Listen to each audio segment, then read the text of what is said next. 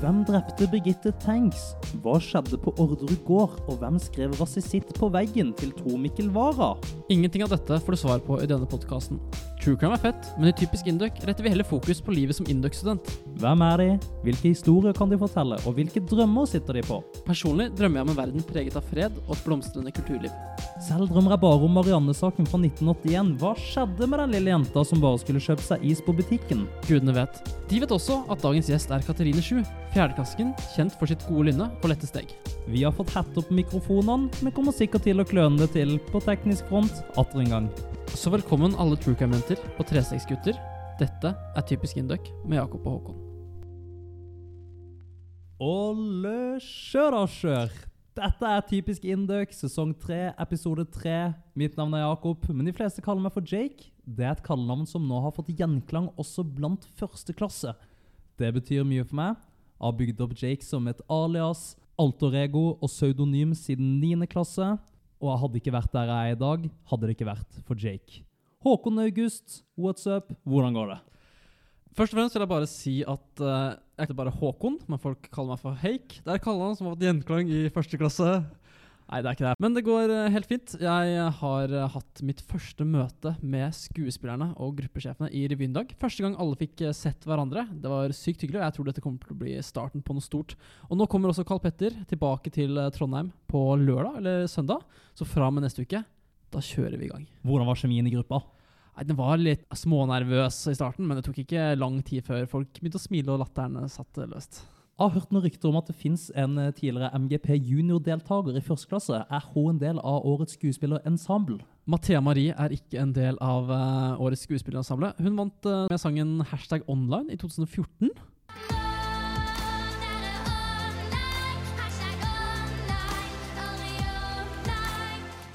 Den er det bare å søke opp på YouTube. Vi håper hun kan bli gjest en dag, og kanskje kunne fått en akustisk coverversjon av Hashtag online i studio. Fremfor til oss, mens hun hører på. Det hadde vært stort. Men uh, hvordan står det til med deg, Jakob? Stort sett sånn OK, men de siste dagene har vært grusomme. Jeg har hatt matforgiftning i min eh, kropp. Kjøpte meg en eh, salmalaks på tilbud. 50% fordi den gikk ut på dato. Ja, ja, ja. Samme dag som jeg kjøpte den.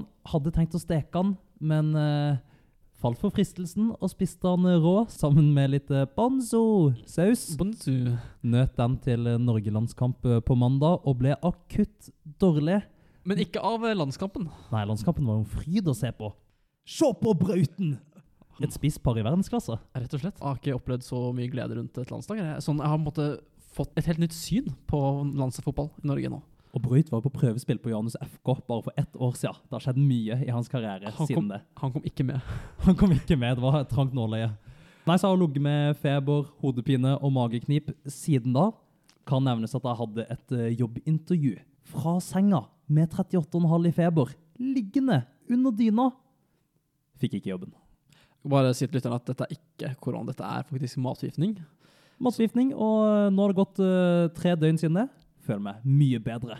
Fort inn og fort ut. Ja, Så det var noe salmonella eller noe ekoli eller eh, listeria i den eh, laksen der. Satte i gang et vanvittig sirkus i min kropp, men jeg vant til slutt. Nå er jeg fri. Ellers kan jeg si at jeg spilte frisbeegolf eh, sist helg. Christian Schnell hadde satt sammen et susende opplegg. Der var 20 karer fra klassen som kasta frisbee mens vi drakk øl oppe på Dragvoll. Et nydelig konsept.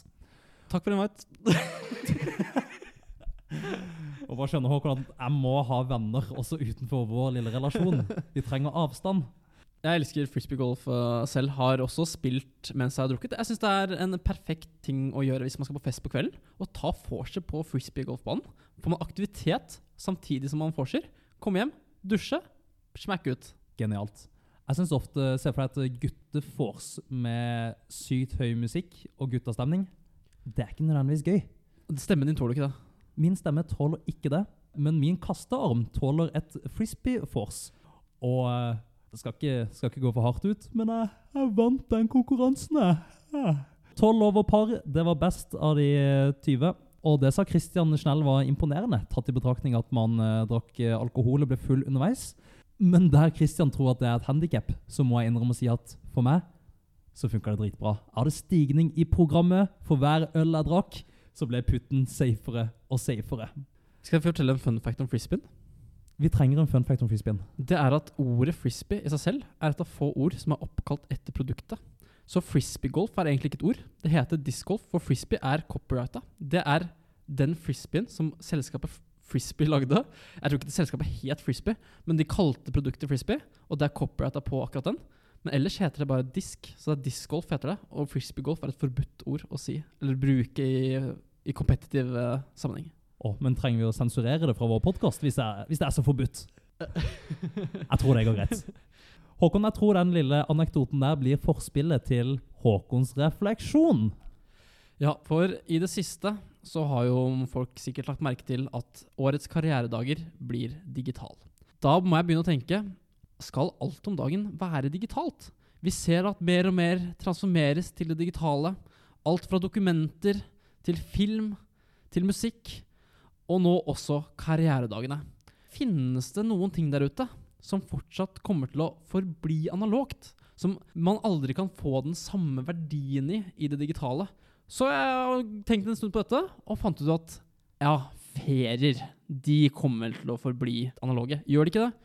Men så kom jeg også til å tenke på at kan man ikke få til noen bra VR-briller, få slengt seg på en strand i eh, Acapulco, og også ha noen sensorer på kroppen som har gi deg samme varmefølelsen? Kanskje slenge på noen UV-stråler også gjennom disse sensorene? Og da er man plutselig på ferie. Det kan jo minne litt om denne sketsjen med Team Antonsen, der de tar med en blindeforening på tur til Spania. Ja, Ridderreiser. Åh, nydelig sketsj. Det er klart ferie kan digitaliseres, men har du funnet noe annet, Håkon, som ikke lar seg digitalisere? Ja, fordi jeg fant ut at ferien lar seg digitalisere. Men hva med det seksuelle? Kan man ha sex mellom to mennesker digitalt? Ja, man kan gjøre ting med seg selv over å vise det på webkamera, men jeg snakker ikke om dette. Jeg snakker om samleiet. Det kan vel ikke bli digitalt. Men jeg ser også kanskje for meg at i en fjern fremtid så kan man også ha sex med noen sensorer selv. Og på andre siden, en helt annet sted i verden, så kan man da motta dette, ha et objekt som gir deg den samme følelsen live som en andre person gjør dette på andre siden av. Så blir digitalt overført. Og dermed har man også digital sex. Kanskje. Ser du for deg at i år 2049 så tar man ikke dama i analen, men i digitalen? Og denne episoden, den sendes ikke til farmor. Men så da tenkte jeg nå må jeg komme på noe mye bedre. Og jeg tror rett og slett at jeg fant ut For er det én ting som jeg aldri tror kan bli digitalt, så er det lyden av et godt knips. Bare hør. Det kan ikke gjenskapes. Knipset, det gode gamle analoge Ja. knipset. Det tror jeg aldri kan bli digitalt. Men jeg sitter jo i samme rom som Håkon, så for meg var dette veldig analogt. Ja. Men hva med lytterne som får dette på øret via sin digitale enhet? Det hadde jeg ikke tenkt på. Det betyr rett og slett at alle våre analoge bastioner kan bli digitale. Du, du, du. Vi må også snakke litt kjapt om Mari Svenkerud i 5. klasse. Mm. Vår venninne har jobba fire år i radio på Samfunnet. Vi tok eh, kontakt med Mari for å få litt tips og triks. Vi er jo nye i gamet. Vi er ydmyke og åpne på det, og tenkte at her kan vi høste av Maris erfaring og kunnskap. Mari, snill som meg, satt ned med oss i to timer sist fredag og ga oss alt hun hadde. Gratis. Fantastisk. Helt gratis. Og der lærte vi f.eks. at man burde smile mens man snakker i podkast. Man eh, burde ha gode overganger, og man må gjøre stillheten til sin venn. Så shout-out til Mari. Hun blir vår eh, mentor og ledsager framover, og nødvendigvis da også den som er ansvarlig for kvaliteten av podkasten. Ja, Hun er faktisk eh, juridisk ansvarlig for kvaliteten på podkasten. Men i dag skal vi få en gjest.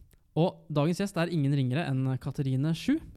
Og jeg vet at hun har vært med i bindeleddet i to år, og dro på utveksling til eh, Canada og Brisbane. Og er en del av dette firkløveret sammen med Vilde Hem, Agnes Mathisen og Katarina VDP. Altså, jeg har også hørt noen rykter om at hun har et av Inducs aller mest komplekse avstandsforhold. Så det gleder jeg meg til å høre mer om. I tillegg så ønsker vi å finne ut av hva som bor mellom de to lagene vi har sett av Katrine hittil. Den sprudlende lekne sida og den bunnseriøse analytiske tallknuseren som gir sensorer intervjuere bakoversveis. Dette blir spennende, så nå håper jeg bare Katarina tar rennafart inn i studio. Få inn! Ja, da sitter vi her sammen med en eh, flott gjest i studio. Og Jakob, kan ikke du eh, introdusere gjesten? Det gjorde du så fint sist. Jo, vi må introdusere dagens gjest, og det skal vi gjøre som følger. Dagens gjest ble uteksaminert fra Oslo katedralskole i 2016, og har siden gjort seg bemerka på en rekke arenaer. Der venner og bekjente tok seg et friår etter videregående, så reiste vår gjest til Shanghai for å studere kinesisk språk og kultur.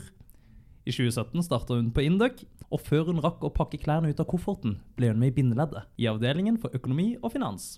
På sosialen ser du henne oftest i firkløveret sammen med Vilde Ham, Katarina VDP og Agnes Roll Mathisen. En vennegjeng som fikk hele to måneder sammen på utveksling i Brisbane før pandemien sendte de rett hjem til Norge. Hun er 1,76 høy, hun har 573 følgere på Instagram, og hun har Indeks korteste etternavn sammen med Cassandra Vu. Velkommen til oss, Katrine Sju. Tusen, tusen takk. Stemte det meste introen her? Eh, introen stemte veldig bra. Eller jeg, jeg ble litt høyere, takk for det. I passet mitt står det 1,73, men jeg har alltid hatt lyst til å være 1,74. Men nå fikk du meg til å bli 1,76. Ja, fordi Vi bomma nemlig sist uke med Anders Danielsen. Da sa vi 1,89, men det viser seg at han var 1,95. Så nå kommer vi i hvert fall nærmere. Ja, det er bra. Og så har dere lagt på litt. Det er jo eh, Ja, Vi, ja, vi går fint. riktig vei nå. Mm. Uansett, det er en stor glede å ha deg i studio, Katarina. Jeg og Jakob har visst veldig godt hvem du er i over tre år. Men vi føler likevel at vi kjenner deg kanskje litt for eh, dårlig. Så vi ser veldig frem til den praten her. Mm. Og for å gi lytterne noen knagger å henge på, så skal vi gå gjennom spalten 20 spørsmål. Der jeg stiller deg noen faste, enkle spørsmål, før Håkon stiller deg noen litt mer skreddersydde, kreative spørsmål. Er du klar? Jeg er veldig klar. Hva er ditt navn? Katrine. Fullt navn. Eh, Katrine XU, som jeg pleier å si. Alder? 23 år. Klassetrinn? 4. klasse. Teknologiretning? Datateknologi. Fra hvilken by? Oslo. Løpende verv? Løpende verv ingen. Har du noen jobb ved siden av studiet? Nei. Din sivile status? I et forhold. Er du introvert eller ekstrovert? Godt spørsmål. Jeg vil si ekstrovert, men antagelig mindre ekstrovert enn den gjennomsnittlige indøkeren. Men eh, på den ekstroverte siden. Hva hadde du studert om Indøk ikke fantes? Fysmat. Ok. Hva hadde du lyst til å bli når du ble stor, da du var liten? Det er et klipp av meg fra en førsteklassevideo 2003, hvor eh, alle sammen får spørsmålet, og alle sier 'jeg vil bli dyrlege', 'jeg vil jobbe med dyr', 'jeg vil jobbe med lekestue', og så sier jeg så fint 'jeg vil jobbe med mennesker'. Så det Og da er du på riktig spor. Ja, ja, ja. Du vil jobbe med mennesker. Hun vil bli konsulent. Det går an som det, å jobbe med mennesker. Mitt siste spørsmål er dine topp to hobbyer. Det må være volleyball og en delt andreplass på skjønnlitteratur og gå turer. Skjønnlitteratur som topp to hobby. Gå skjønnlitteraturer, rett og slett. Nei, var dette veldig dirty? Det var, et originalt svar. Ja, men kan ikke skjønnlitteratur være en hobby? Jo, jo, absolutt. Jo, det er en hobby for meg òg. Jeg. Ja, altså, jeg, jo, jeg liker jo ikke å lese ikke-skjønnlitterære bøker. Nei, selv er jeg mest glad i populærvitenskap og sakprosa. Ja, det er greit.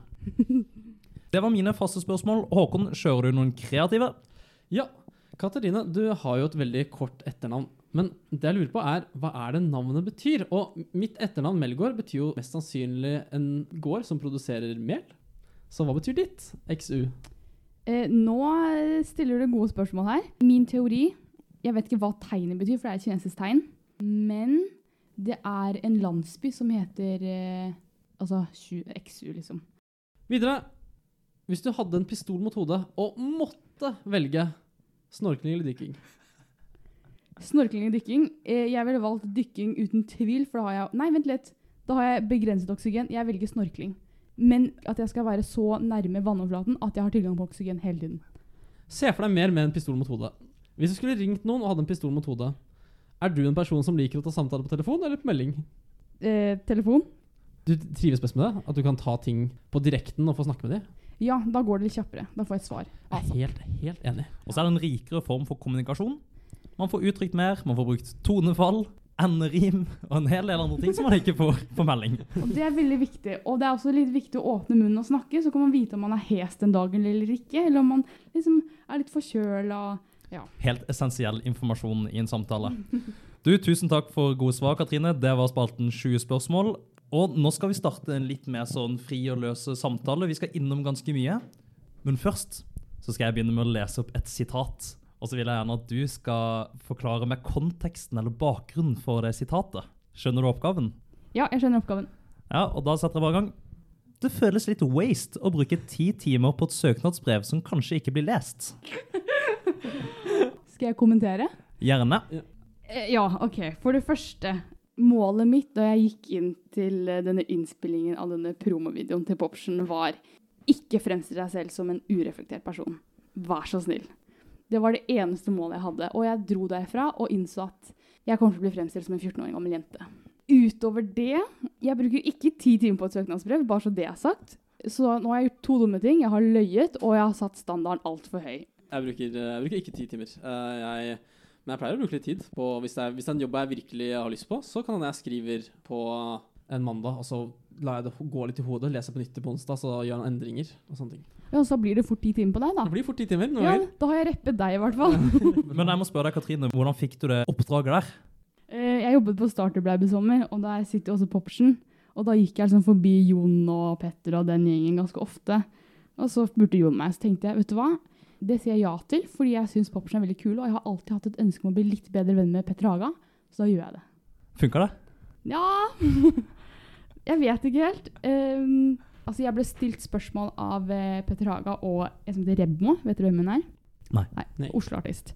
Og eh, to stykker jeg er litt starstruck over. Så jeg satt der og stilte meg spørsmål, og jeg klarte ikke å tenke og bare begynte å rable sånne ting som waste og liksom ti timer og alt det der. Da. Eh, så jeg vet ikke om jeg ble noe bedre kjent med dem, men eh, ja, nærvær fikk jeg i hvert fall. Og meg og Håkon syns du gjorde en ekstremt god figur. Proption er jo da en gammel Induc-startup. Og Petter Haga han er jo en skrue. Sist gang vi så han, så sang han uh, Baris sammen med Oral B på uh, Beck-scenen under Oslo-turen 2018 i Baris foran 250 mennesker. Han sang, han sang ikke Baris, faktisk. Han sang uh, sin egen sang. Med, som, han har jo en artistnavn som heter Slam Dunk, og der har han en låt sammen med Oral-B. Så de sang rett og slett låta de har sammen. Oi, ok. Ah. Dette er antagelig noe jeg har hørt, men ikke har et forhold til. Det var litt om Poption, Petter Haga og Oral B. Nå skal vi videre til et lytterspørsmål. Det er egentlig noe vi sparer helt til slutt, men vi syns et av disse spørsmålene var såpass relevant at vi vil bare angripe det her og nå. Vi har fått en, en hel del spørsmål, særlig fra dine nære venner. Og flere av disse spørsmålene de vektlegger det at du er en menneskekjenner av rang. At du er god til å lese folk, at du er god til å forstå folk. Så Vilde Hem lurer på hva er det første Katrine legger merke til når hun treffer nye mennesker? Oi, det er et interessant spørsmål, Vildehem. Jeg er i hvert fall ikke en som dømmer personer en gang jeg møter folk. Jeg danner meg ikke en mening om hvordan personen er i det hele tatt, og er sånn 'Nå er du en sånn type. Jeg liker deg.' Ja, nei. Sånt gjør jeg ikke. Men jeg tror jeg ser etter om det finnes noe sjel i personen. Finnes det noe mer enn et menneske som bare sier ord? Finnes det en personlighet bak der? Og hvis det er litt interessant, tenker jeg ja. Bra menneske. Når du møtte meg og Jakob første gang, hadde du gjort deg noen tanker da? Hva var det første du la merke til med oss? Hvis du husker det, det er jo en stund siden. Nå begynner det å bli lenge siden, ja. Jeg tror også det jeg møtte dere under fadderukene. Husker faktisk ikke. Eller jeg snakket jo med deg, Håkon. Først, sånn lenge, ikke lenge før, kanskje uka før jeg begynte på Induc. Ja, for jeg ringte jo deg. Og det er jo en greie at man blir jo ringt av de som er i Janus. Vi snakker med fadderbarna og prøver å gi litt uh, bakgrunnsinformasjon og litt hva som skjer i fadderukene. Ja, jeg bare tok aldri telefonen. Du var litt hard to get den sommeren der. Men vi kan ta nåtid istedenfor. Uh, hva tenker du om meg og Jakob akkurat nå? Er det noe eh, inntrykk? Hva er det menneskekjennerne der sier? Nå fisker vi etter veldig fine ord, da. gjerne komplimenter på utseende eller på hvem vi er som personer. Kjør på. Dere er i hvert fall de menneskene jeg har møtt som er blant sånn topp bra utstråling-folk. For det stråler masse energi av dere, og det er sånn dere, Jeg trenger ikke å være tan om vinteren, sånn, men dere gløder liksom litt hele tiden, og det er veldig bra. Å, Katrin, dette er altfor mye. Vi må gå videre i programmet. Og eh, jeg syns det var en suksess med å angripe lytterspørsmålene med en gang, så vi tar faktisk ett til. Det er en eh, lytter som lurer på om Katrine kan fortelle om hvordan det gikk med samtalen hun hadde med Sopra Steria her om dagen. Ja, ikke sant? Nei, jeg meldte meg på Coffeechat på Bindeleddet sine sider, og for så vidt også bedpressen, fordi jeg har, jeg har så utrolig dårlig bedpress-game. Prøvde å forskjerpe meg. Tenkte sånn, nå skal jeg melde meg på det jeg klarer å melde meg på. Så klarte jeg å melde meg på begge arrangementer til Soprasteria nå på onsdag. Og så logger jeg meg på Coffeechatten og trykker på den Microsoft Teams-linken. Sitter inne på sal, tenker jeg skal sånn, sitte og høre på fra Stor Seria coffeechatte seg imellom. Sitter jeg der, og så får jeg plutselig opp et portrett av noen som sier hei, hei, hallo, hei, jeg tror du har muta deg selv. Og så er jeg sånn Hæ, hva skjer nå, hva skjer nå, hva skjer Spilles dette høyt på sal, eller hans stemme? Eh, heldigvis Når den er flere? Ok, du har den kun i øret. Jeg har den kun i øret, men da sitter jeg med et menneske på fullskjerm foran meg som sier hei, hei, jeg tror du har muta deg selv. Og da får jeg helt panikk, røsker ut PC-en av ledningen, løper ut av sal, setter meg i trappa, sånn hei, hallo, hei. Og så sier hun ja, hei, ja, vi skal ha coffeechat. Og da innså jeg nå skal jeg ha en coffeechat i en halvtime. Og hvordan løser du det? Hvordan klarer du å lede den samtalen som du overhodet ikke har forberedt deg på? Det går egentlig ganske fint, bortsett fra at jeg sitter midt i det største co-working spacet på Kjell, altså i Kjell kantina. For jeg fant ikke noe annet sted å sitte, så det var litt bråkete. Men jeg syns nå Sopra Seria er ganske spennende, så jeg hadde en del spørsmål.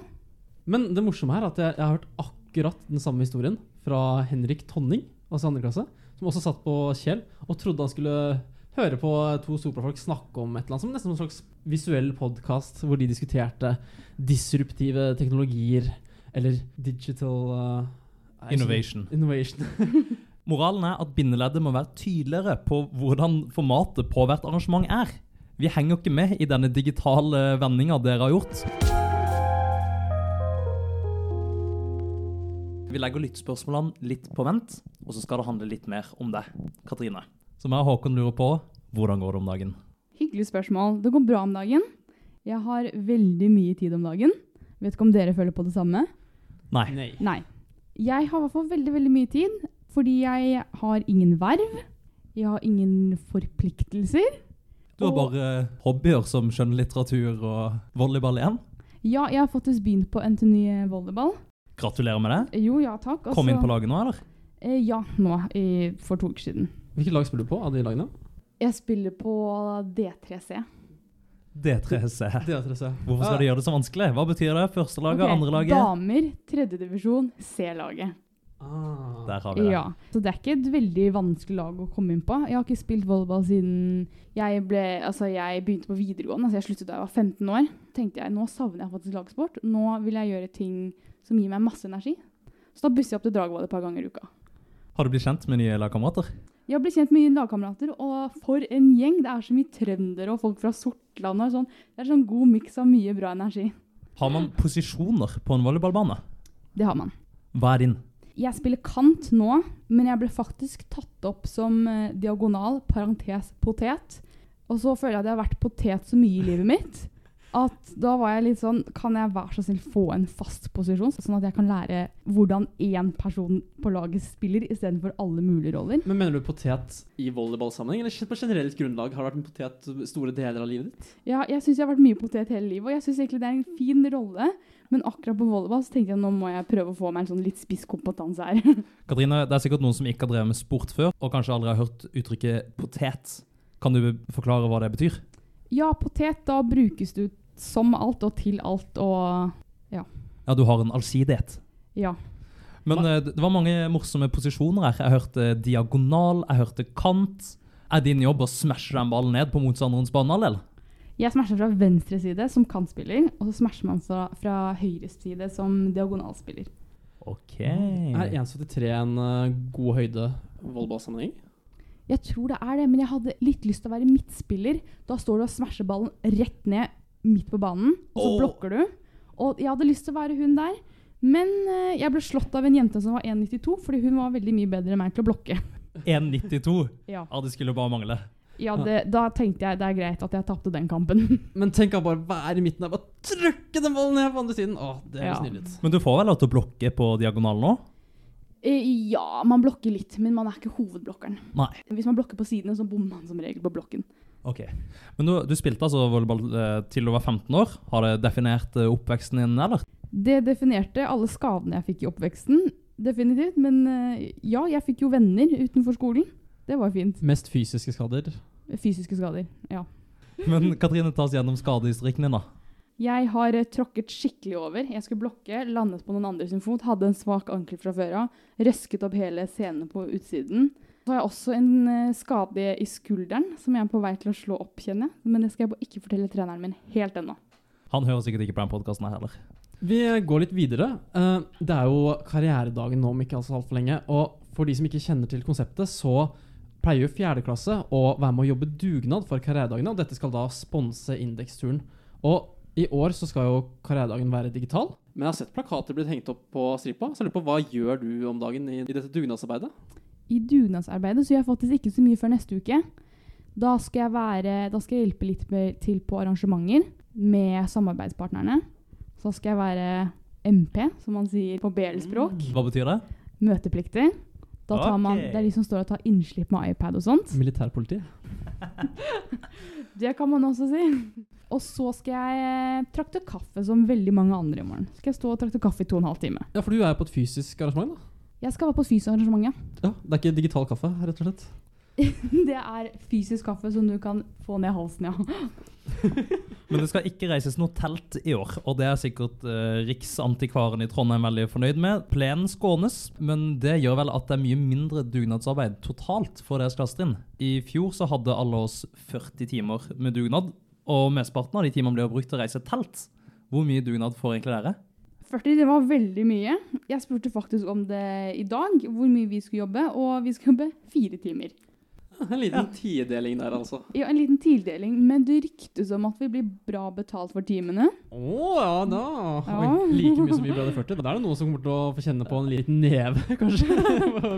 Vi har fått litt, litt lønnsøkning, skjønner du. Men eh, KD har blitt uh, digitalt. Det nye nå er jo uh, Graduate Land. Kjenner du til det konseptet her, Katrine? Ja, det gjør jeg. Vet du hvem som har lagd eh, denne plattformen? Er det bindeleddet som har utvikla det selv, eller? eh? Eh, Ja, nå spør du meg som om jeg er fortsatt aktiv i bindeleddet, men jeg tror bindeleddet har fått en tjeneste av et dansk selskap som har jobbet med sånn type online stand-opplegg. Ja. Det er ikke bindeleddet som har laget det, altså. Nei. Jeg pratet med Christian Rustad, leder av Karrieredagene, så han sa nå at han feira elleve måneder som leder for KD i konstant motbakke. Og Stakkars gutt, men for en mann. jeg eh, må bare si veldig mye creds til eh, KD-gruppa, fordi de har høy puls, og de har antagelig høy puls neste uke, og de har antagelig hatt høy puls en god del uker. Så jeg unner dem litt hvilepuls snart. Vi får håpe det. Du, jeg tror det var det vi hadde å si om eh, KD. Skal vi snakke litt om utveksling, eller? Ja, det kan vi gjøre. Hvor dro du på utveksling? Jeg dro på utveksling til Montreal høsten 2019. Var der ett semester. Og så dro jeg til eh, Brisbane i Australia for å være med venner i våren 2020. Så du sier Brisbane i Australia, men du sa ikke Montreal i, Canada. i Canada. Ja. Og det er to eh, land of the commonwealth. Hvordan var de to landene å være i? De er veldig forskjellige. Eh, altså, Montreal er den kuleste byen jeg har vært i i hele mitt liv, tror jeg. Jeg hadde så lyst til å dra på utveksling til Montreal selv. Hadde du du Jeg hadde, men uh, jeg endte opp med å dra til Lausanne i Sveits istedenfor. Men jeg så lenge på McGill, og var, var det ikke der du var? På McGill? Jo, jeg var der. Shit, hvorfor gjorde du ikke det? Nei, fordi det, var, det er penger. Det er en del mer eh, praktiske ting man må ordne for å komme dit. Europa Mm. var veldig enkelt og greit. Det var mange som skulle til Lausanne, og da Mm. endte jeg på at det er et safe valg. Jeg ville ikke bruke så mye tid på å fikse, og McGill var, var litt mer stress enn uh, Lausanne. Ja, det, det var litt stress. Jeg surra fælt med fag og ringte Tove Krokstad litt for mange ganger i sommerferien. Men uh, fy søren for en by. Det er liksom, Viben i byen er noe helt annet. Det er en sånn Jeg tror mange vil si Berlin på syre, men jeg vil si at den er bedre enn Berlin på syre. Altså Folk går rundt, har kule klær, har kule holdninger, kule barer, kule restauranter, kule kafeer. Alt er bare så kult. Blanda du inn i dette miljøet her, Katrine, eller sto du på utsida som en utvekslingsstudent og studerte det? Jeg fikk ikke noen lokale venner, nei, hvis det er det du spør om. Ja, litt. Jeg kan, jeg kan dra en sammenligning, fordi Montreal er litt som Australias Melbourne. De er byer som er ganske like. Man har et veldig stort urbant eh, miljø der. Veldig mye kulturliv. Veldig mange kjente musikkartister som har springet ut fra Montreal. Blant annet Céline Dion, eksempel. Så man kan si at Brisbane er mer Canadas uh, Calgary, hvis jeg kan si det. Men Vancouver er også en ganske hipp by. Uh, og så er det Sydney liksom kanskje mer Toronto, hvis jeg kan si det. Det er en veldig god parallell. Men var det en eh, norsk delegasjon i Canada, eller eh, dro du så å si alene? Absolutt ikke. Jeg dro nesten alene. Jeg dro alene fra Norge og NTNU, tror jeg. Jeg har sjekket litt opp disse rapportene, eh, for jeg prøvde å finne ut om jeg faktisk skulle dit eller ikke. Og forrige inndøkker som var der, var der i 2013 2012-2013. Så utrolig tøft å bare reise alene et sted. Hva gjorde du for å få venner? Jeg eh, var med på absolutt alt jeg kunne være med på for å få meg venner. Fordi jeg har eh, innsett at man må bare være med masse folk, og så må man se hvem man klikker med, og så må man bare være mer med de man klikker med. Og da velger du de med best sjel. Da velger jeg de med sjel, ja. Men vi må også prate litt om eh, Australia. Det ble jo kanskje noe spesielt opphold eh, for deg der. Kan du eh, beskrive det oppholdet? Jeg syns det var helt magisk i to og en halv måned. Virkelig. Vi bodde i verdens fineste leilighet. Antagelig den fineste leiligheten jeg noen gang kommer til å bo i resten av mitt liv. Vi hadde rooftop, vi hadde barbecue, vi hadde infinity pool, vi hadde resepsjon, vi hadde eget gym. For et liv! Hva betalte dere? Eh, mindre enn her. Vi delte rom, da. Men all creds til eh, Vilde, Katarina, Agnes og Hilde for å ha funnet en skikkelig fin leilighet som jeg fikk flytte rett inn i. Altså, du kom til dekka bord, du. Det gjorde jeg. Etter at jeg kom dit, så hadde jo de jentene hatt ferie en god stund, så de var litt sånn Å, nå må vi finne på noe. Så da satte vi oss ned. Jeg var fortsatt megatrøtt og var sånn ja, ja, ja, sa jeg til alt de sa. Og så var det noen som pitcha la oss dra til Vanuatu. Så sa jeg ja, ja, ja. Visste ikke helt hva eller hvor det var. Og så var Vilde sånn å, men flybillettene er ikke så dyre. Så var jeg sånn ja, ja, ja, bra. Og så plutselig hadde vi bestilt flybilletter og dro til Vanuatu tre dager senere. Du husker jeg snakket med Vilde om at eh, dere må dra til Vanuatu. Dra til noen av disse stillehavsøyene. For det er ikke så dyrt, og det er ikke så langt unna. Man er sjelden på den siden av jordkloden. Og når man først er der, ikke stikk opp igjen til Indonesia. Det kan man gjøre når som helst. Dra videre innover. Fordi Stillehavsøyene er virkelig noe for seg selv. Hva, hva synes du selv om eh, Vanuatu? Altså, Råbra tips. Vanuatu er det fineste stedet jeg noen gang har vært på. Det var helt magisk. Vannet var bare lyseblått, og vi dykka. Og det var bare så fint både over og under vann. Det var god mat, og folk var skikkelig greie. Men vi lærte også at man ikke skal kjøpe importvarer på sånne øyer. Da skal man kun kjøpe lokalmat. For å støtte det lokale miljøet. For å støtte lokalmiljøet og for å beskytte sin egen lommebok. Ja. Jeg ser for meg at uh, lokalbefolkninga på en sånn øy setter litt pris på få turister. At de gledelig smiler til dere, vinker til dere, at de syns det er litt stas at dere kommer på besøk. Stemmer det? Definitivt. Jeg tror vi sier at uh, det var det om uh, utveksling. Vi beveger oss inn i Håkons kjærlighetshjørne. Velkommen til Håkons kjærlighetshjørne. Katrine, du har jo, som du sa, en kjæreste. Og vi har fått litt nyss om at denne kjæresten din aldri har bodd i Norge. Stemmer dette? Det stemmer. Han bor i Berlin i Tyskland. Og hvordan møttes dere? Vi møttes i friåret mitt da jeg var i Shanghai for å dere vet, finne tilbake til røttene og lære meg kinesisk litt bedre. Så var han også der for å lære seg kinesisk bedre. Og ja, da møttes man, da. Så ble det vakker musikk. Vakker kinesisk musikk. Det ble ikke noe kinesisk musikk. Og hvis oppfølgingsspørsmål er hvilket språk vi snakker, så snakker vi engelsk sammen. Er han også kinesisk? Han er eh, halvt fransk, halvt kinesisk, men egentlig da tysk, for han er født og oppvokst i Tyskland. Ok, Men dere møttes i Kina. Hvordan har dere fått sett hverandre siden da? Hvordan har, liksom, har, har han bodd i Tyskland siden du begynte på Indøk? Han har bodd i Tyskland siden jeg begynte på Indøk, og så har jeg vært her oppe i Trondheim. Og vi, vi møtes når vi flyr til hverandre. Og Besøker hverandre. Men uh, jeg har også selv vært i et avstandsforhold. Det var bare fra Trondheim til Oslo, men det er fortsatt en avstand. Og jeg har gjort meg noen tanker om hvordan det fungerer versus å være på uh, et sted hvor man bor fast hele tiden. Min erfaring med avstandsforhold er at når man har det, så gjør man ofte ting ferdig før man får besøk. Så setter man av all tiden sin sammen med kjæresten i den perioden. Og når den personen da drar igjen, så gjør man ting på andre ting. Og da får man da porsjonert ut tiden litt bedre. Og når man bor sammen, så er det vanskelig å sette av den tiden. Hva tenker du eh, selv om dette? Føler du det stemmer for deg? Jeg er faktisk helt enig. Man vil jo ha kvalitetstid når man først er sammen. Men det er også en veldig fare for at forholdet blir en sånn ferieforhold. At når man er sammen, så kan man kun ha ferie sammen. Man kan ikke leve en hverdag sammen. Så det var derfor vi var i Montreal sammen og bodde sammen der. Han var, bodde også i Montreal? Ja, Så vi klarte å time det, sånn at vi liksom fikk bo sammen i fire måneder. Og testet ut dette med å ha en hverdag sammen og ikke bare ferie sammen. Og hvordan gikk hverdagslivet? Veldig bra, faktisk. Skal love deg at det var noen krangler i starten, men sånn må det jo være. Ja, for det må man jo ofte finne ut litt, hvordan det er å bo sammen med noen. Og det vet man egentlig ikke før man har gjort det. Man kan ha vært på turer sammen, og sånt, men det å bo sammen over en lengre periode er noe helt annet. For eksempel, jeg og Jakob bor sammen, og det er noe helt annet enn det jeg tenkte at det kom til å Ja, når vi starta å holde på som venner i første klasse, ja, altså slo hverdagen oss i trynet ganske fort når vi flytta inn sammen i fjerde klasse. Hva heter kjæresten din? Pål. Pål? P-a-u-l? Ja. Eller P-å-l? Nei, Paul, altså. Pål. Hvordan holder dere kontakten gjennom en uke? Hvordan ser liksom en uke i eh, dette avstandsforholdet ut? Vi snakker et par ganger i uka. Altså sender melding fortløpende, sånn som venner gjør. Og så ringes vi når vi kan. Så da prøver jeg å ringe iblant, og så plukker han opp når han kan snakke, og så ringer jeg meg tilbake hvis han ikke kan snakke. Hvilken by bor han i?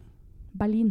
Berlin. Å, men det er jo et flott sted å dra, da. Man kunne for eksempel vært uheldig og hatt avstandsforhold med en fyr som bodde i Baden-Württemberg eller en eller annen obskur tysk småby. Så er det fint at man har et metropol man kan reise til og få en god kulturell opplevelse i tillegg. So, Paul, if you're out there, if you listen to this, I just want to say on behalf of Katrina, she likes you really, really much. She thinks you have a beautiful soul, and she's looking forward to the next time you meet. Thank you, Paul. Det var det om Håkons kjærlighetshjørne. Vi går videre i programmet.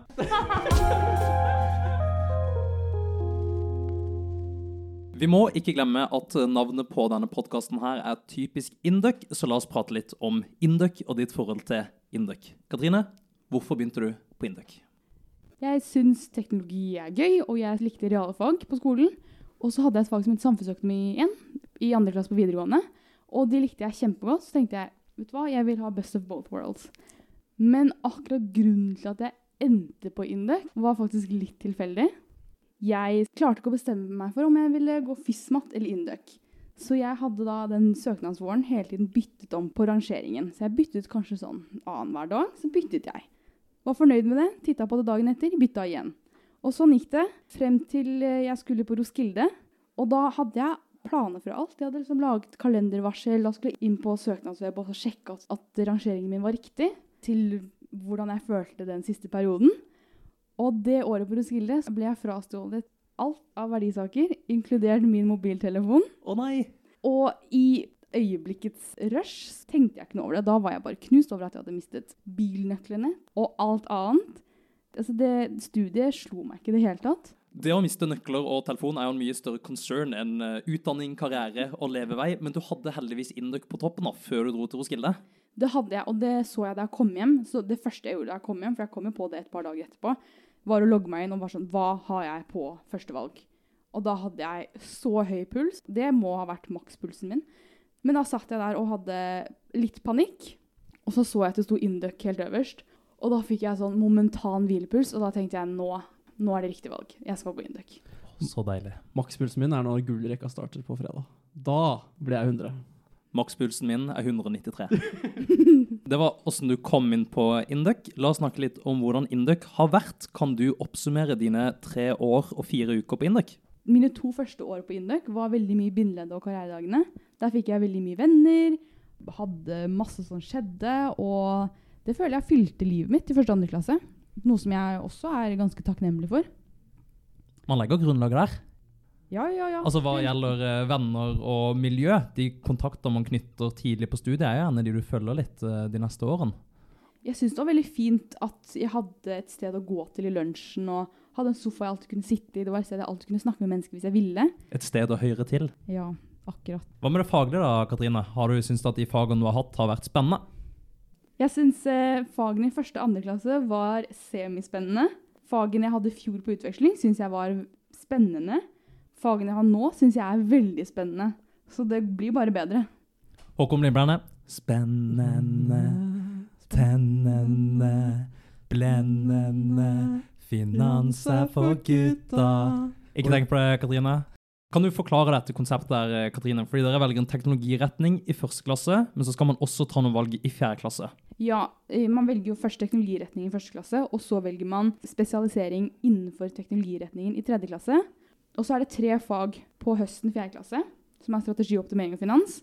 Og da skal du velge minst to av tre, og så ender du opp med å skrive master i én av de tre til slutt. Så da blir det enten optimering eller finans for din del. For min del så blir det det. Katrine, hva er det gøyeste som skjer på Indek i løpet av et år? Nå må jeg tenke litt sånn kronologisk, sånn jeg husker å ta med alt. Janusvalget, utrolig gøy. Auksjonskveld, kjempegøy. Og Et høydepunkt er også MKM sin eh, konsert i eksamensperioden. Oh. Det må jeg virkelig si. Og så er det Er det året da? I mitt hode så er det året. Kronologien er ikke så viktig. Året er jo et fantastisk høydepunkt. Året er veldig gøy. Og så syns jeg kanskje børsfesten topper ganske mye. Hva med 17. mai? Det er jo et Induc-arrangement som veldig mange i Norge ellers også er med på. Det er kanskje det største arrangementet Janus har i løpet av et år. Fem millioner deltakere, og selv folk nede i Australia deltar. Går i tog og synger. Ja, det er helt klasse. Jo, 17. mai er faktisk helt fantastisk. Og det er eh, flott at Janus eh, har arrangement, sånn at man liksom kan se noen andre enn akkurat de man spiser frokost med. Du har ikke nevnt eh, revy, og jeg syns jo du har litt sånn revy i sjela, Katrine. Hva er ditt forhold til revy? Jeg har ingen forhold til revy, fordi på min videregående skole så var vi såpass nerd at vi hadde teater og ikke revy. Så vi satte opp teaterstykker. Det er nerd, altså. Altså, det er nerd, kan du si, Håkon, men jeg tror du ville likt det. Ja, jeg jo elsker jo teater. Jeg, Ja. jeg bare prøver å komme med noen morsomme innspill. Her, på I 2020 så er det kult å være nerd. Katrine, hvordan er det å se alle klassekameratene igjen nå som har vært borte et år på utveksling, og komme tilbake og nå treffe alle igjen? Det er så hyggelig.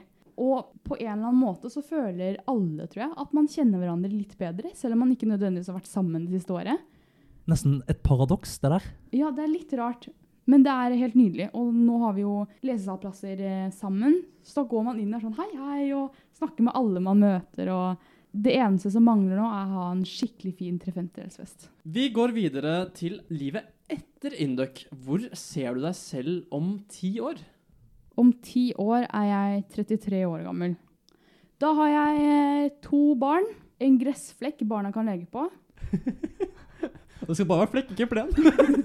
Skal lite. Maks fire kvadratmeter. Det skal være plass til én trampoline hver, for de må ha masse trampoline. En trampoline hver. De må ha De må lære å samhandle. Ja, men de må også ha frihet til å leke. Og utvikle seg selv og bli selvstendige tidlig. Uavhengige. Ja, men de kan jo hoppe på samme trampoline hvis de vil det, da. Ja, men de skal velge selv. Ja. Hvilken by tror du du havner i? Jeg tror jeg havner i Oslo, for jeg er veldig, veldig glad i Oslo. Du som har sett så mye av verden, så skal du bare flytte til Oslo? Ja, men om ti år, du vet jo ikke hva jeg har gjort i de ti årene. Ja, Kanskje jeg har vært overalt i de ti årene, men om ti år, da føler jeg at det er på tide å være i Oslo litt. Da ringer Oslo-klokka. Ring, ring. Nå er det tid å flytte hjemme igjen. Det var vår lille Indøk-spalte. Nå skal vi høre fra lytteren. Og det første spørsmålet det er fra Vibeke Kjellevold. Eller Kjell Vibekkevold.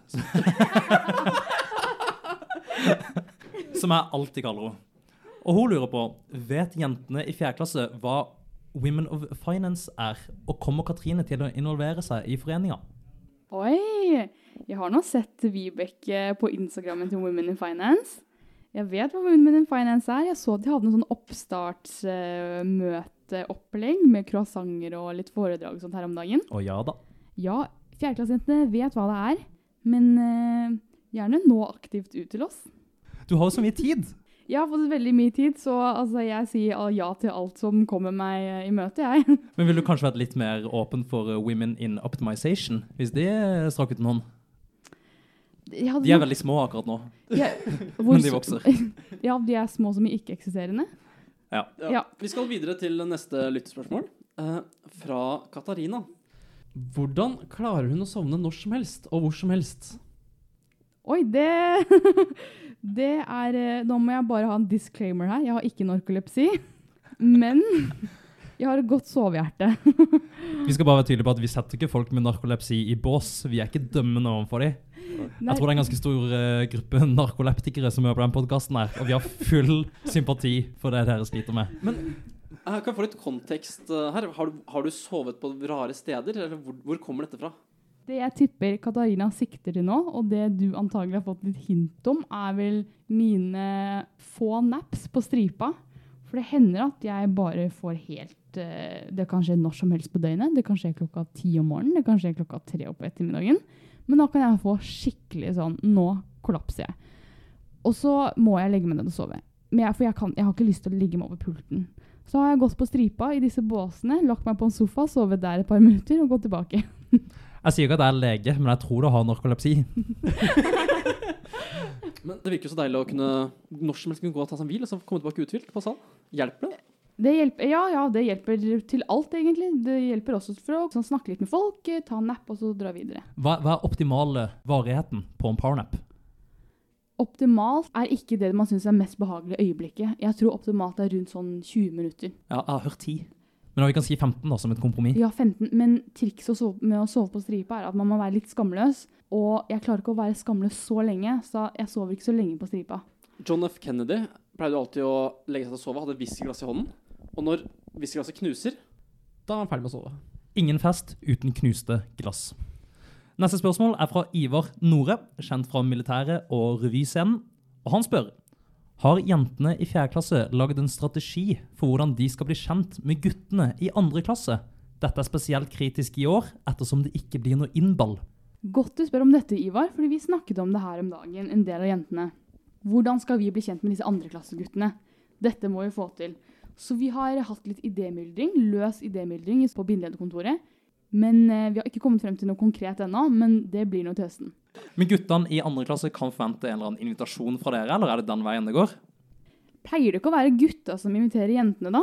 Jo, det er jo det. Det er jo tradisjon. Jeg syns det burde gå på ansiennitet.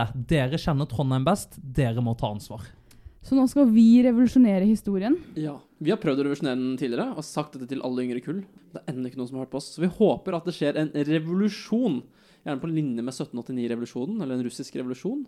Eller Tadsjikistan-revolusjonen i 1991. Hva er din favorittrevolusjon, Katrine? Min favorittrevolusjon er reformasjonen. Kjør da, Martin Luther. Det var dårlig. Det var det. Jeg kødder. Vi har fått inn et uh, lyttespørsmål til, og lytteren lurer på hvilket forhold har du til planter? Mitt forhold til planter startet vel egentlig i høst. Jeg har alltid hatt lyst på planter, men da har jeg kjøpt litt sånn ah, Du ser OK ut, du ser også OK ut, jeg tar dere to. Vi blir med hjem til meg. Men i år så har det skjedd noe rart nå, for i år så har jeg jo hatt så mye tid. Så i år har jeg vært på planteshopping overalt. Jeg har vært på planteshopping på Lade to ganger, jeg har vært på alle mulige butikker. Men hvor kjøper du disse plantene? Er det alt fra Plantasjen til Ikea til Mester Grønn og det som er? Akkurat de tre stedene, faktisk. Mester Grønn, Plantasjen, Ikea. Men det ryktes om at Coop Ops har billigplanter. Oi. Du, jeg har akkurat uh, gått til innkjøp av en plante selv. Jeg har ikke vært en stor uh, plantekjøper uh, tidligere. Men jeg lurer på, har du mulighet til å vurdere den planten jeg har kjøpt til kollektivet med meg og Jakob og Marius? For jeg dro nemlig på Ikea. Jeg skulle ha en plante til en potte. Og da så jeg en lur liten ananasplante på Ikea. tenkte jeg, den skal jeg ha. Hva tenker du om ananasplante? Er det noe du kunne kjøpt? Oi, det er veldig kult. Den har jeg faktisk stirret på selv. Så jeg kunne definitivt kjøpt den selv. Bortsett fra at jeg eh, ble dratt derfra av en venninne, for nå sa hun nå er det nok planter på deg. Og så dro hun meg videre. Ja, jeg håper i hvert fall at min ananasplante kommer til å vokse seg til en stor og saftig ananas som vi kan spise senere. Men dessverre så virker det som den er død allerede etter bare en uke. Hva gjør jeg feil? Hvordan skal jeg best ta vare på plantene mine? Det må du ikke spørre meg om, for jeg har klart å drepe en orkidé på to uker allerede. Så jeg vet ikke om jeg er riktig person. Men de er skjøre vesener, disse orkideene. Akkurat som meg. Tror vi tar det siste lyttspørsmålet vi har på lista vår. Katrine. Det er fra Jonnis i 5. klasse, og han spør Snakker Katrine mandarin? Hvis ja, pleier hun å bruke det som en edge i jobbsøking. Hvis nei, ville hun vært interessert i å ta privattimer hos Jon Rige, som har lært seg kinesisk på Duolingo. Eh, Jeg snakker kinesisk, snakker mandarin. Men eh, jeg har ikke brukt det som noen edge. Du sier du ikke har brukt som en edge. Er ikke det en genial ting å si, da, som skiller deg fra røkla? Jo, men hva skal jeg si? Hei, jeg heter Katrine, jeg er 23 år og snakker kinesisk. Eventuelt kan du bare si det på kinesisk. Det er nok en fulltreffer, det. Du kan også vente litt ut i intervjuet. Du må ikke si det med en gang. Jeg tror absolutt det er et kjempetips. Mange har jo kinesiske kunder, og det er, i fremtiden tror jeg det kommer til å bli ekstremt nyttig å kunne kinesisk. Takk for bra tips. Kanskje jeg skal eh, bruke det denne høsten når jeg faktisk søker jobb. Ja. Jeg og Jakob holder jobbsøkerguide hver torsdag klokka 12 til 2 på Stripa. Hva kan du si om eh, Jon Rige og hans innsats på eh, kinesisken? Jeg tror Jon Rige er råflink. Jeg har ikke hørt ham, men jeg har tro på at han er råflink. Og shout-out til Jon Rige, som har fått seg kjæreste. Jeg har også fått høre en liten historie til. Det handler om en misforståelse mellom sjokoladen Smash og spillet Smash Bros. Kan du fortelle? Ja, ja, ja, ja definitivt. Det- Jeg jobbet med en gjeng eh, med folk som har gått datateknologi, og generelt gamere. Og jeg visste jo at jeg er litt nerd også, men de var kanskje hakket mer nerd på den fronten enn det jeg var. og vi skulle spise middag sammen. og det var, hyggelig, og det var noen som pitcha at de skulle ta med Smash. Og jeg var sånn ja, ja, ja, ta med Smash. Nam, tenkte jeg. Så går det, da. Spiser middag, og så venter jeg på denne Smashen. Og middagen er spist, og jeg tenker nå er det på tide med snacks. Det kommer ikke noe snacks. Så sier en person ja, jeg skal bare gå og hente en konsoll. Da tenker jeg ja, ja, nå var han litt rar. Og så er det noen som drar opp en, eh, en Rema 1000-pose. Og i den posen så ser jeg ikke pose med Smash, men jeg ser sånn firkanta dingser. Og det var da jeg innså at nå har jeg totalt misforstått et eller annet. Så jeg satt der stille, lot som hva alle andre snakket om, sånn, mm, mm, og innså at jeg får ikke noe Smash i dag. Men alle volleyballjenter liker i hvert fall å smashe. Det stemmer, det er veldig gøy. Du Katrine, nå har vi vært gjennom en eh, hel del. Tusen, tusen takk som har eh, kommet til oss i vårt studio her på toppen av uh, Tyholttårnet. Har du noen siste ord som du vil eh, dele sånn helt på tampen? Noen siste ord? Takk for hyggelig selskap til dere to. Jo, bare hyggelig. Det er det minste vi kan gjøre, Katrine. Det har vært en fryd å ha deg. For ei herlig jente. Du er en liten blomst. Og jeg tror dette er også en fantastisk radiostemme. Et til stort til dere lyttere er at jeg håper dere nyter høsten, er masse med venner, kjøper litt fine planter, spiser godt og bare ha det fint. Og med det så sier vi tusen takk til Katrine Sju. Gi henne en stor applaus! Ciao. Da har Katrine forlatt eh, vårt studio. Håkon, hvordan syns du det her var? Jeg syns dette var helt fantastisk. Hun var et eneste stort glis, var veldig avslappet og tok ordet og pratet lenge og utbroderende om uh, forskjellige ting. Og vi hadde mange interessante temaer å snakke om også. Tiden fløy, rett og slett. Det ble en nydelig prek. Dette var flott. Da gjenstår det egentlig bare å si lykke til til karrieredagene, som starter i morgen med åpningsforedrag av Kristin Skogen Lund. Det er en klassedame. Håkon, vil du si noen siste ord? Ja, selv om karrieredagene er digitale i år, så anbefaler jeg alle førsteklassinger å ta en titt på hva som skjer. Selv om man ikke får den samme følelsen av å gå rundt til stands og snakke med folk og få høre hva bedriftene driver med, ringer det nå igjen. Nå ringer det. Hvem er det? Det er ikke Norsk havforskningsinstitutt? De har ikke sendt oss mail uka her. Hallo? Hvem er det? Er det fetteren til Birgitte Tengs? Oi, dette er spennende. Du vet hvem som drepte henne? Da tror jeg vi bare avslutter episoden. jeg. Og drapsmannen går på For Indek. dette har jeg lyst til å høre mer om. Han heter et eller annet med Anders eller Andreas. Så da sier jeg bare ha det bra til okay. alle lytterne. Ok, men, men du vet ingenting om Orderud-saken?